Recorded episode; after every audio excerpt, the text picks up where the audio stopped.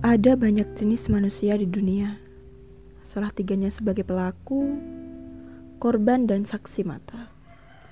Mari kita bahas secara berurutan. Pelaku selalu bisa memakai topengnya rapat-rapat, memutarbalikkan fakta, dan bersikap seolah menjadi korban. Berteriak kesakitan dan membohongi banyak orang. Yang bodoh tentu terperangkap, tapi yang cukup pintar akan sadar dengan cepat. Selayak serapat apa pun bangkai disimpan, bau busuk akan tercium juga. Sementara korban, sesuai yang masyarakat tahu, akan terus dipandang dengan embel-embel kata kasihan.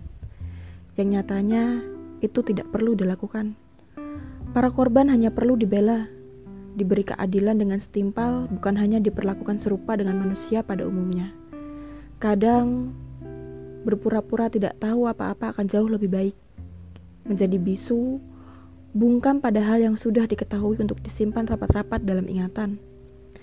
Tapi bumi tidak hanya menampung orang-orang bisu kan? Saksi mata sering kali ketakutan, entah karena hukum alam atau menjadi saksi adalah sebuah dosa.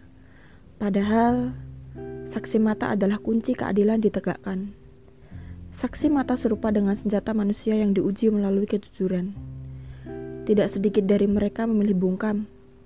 Alasannya hanya takut dikira tersangka. Padahal hukum alam tidak pernah demikian. Sekarang, kamu berhak memilih masuk ke dalam jenis manusia yang mana. Asal satu, speak up.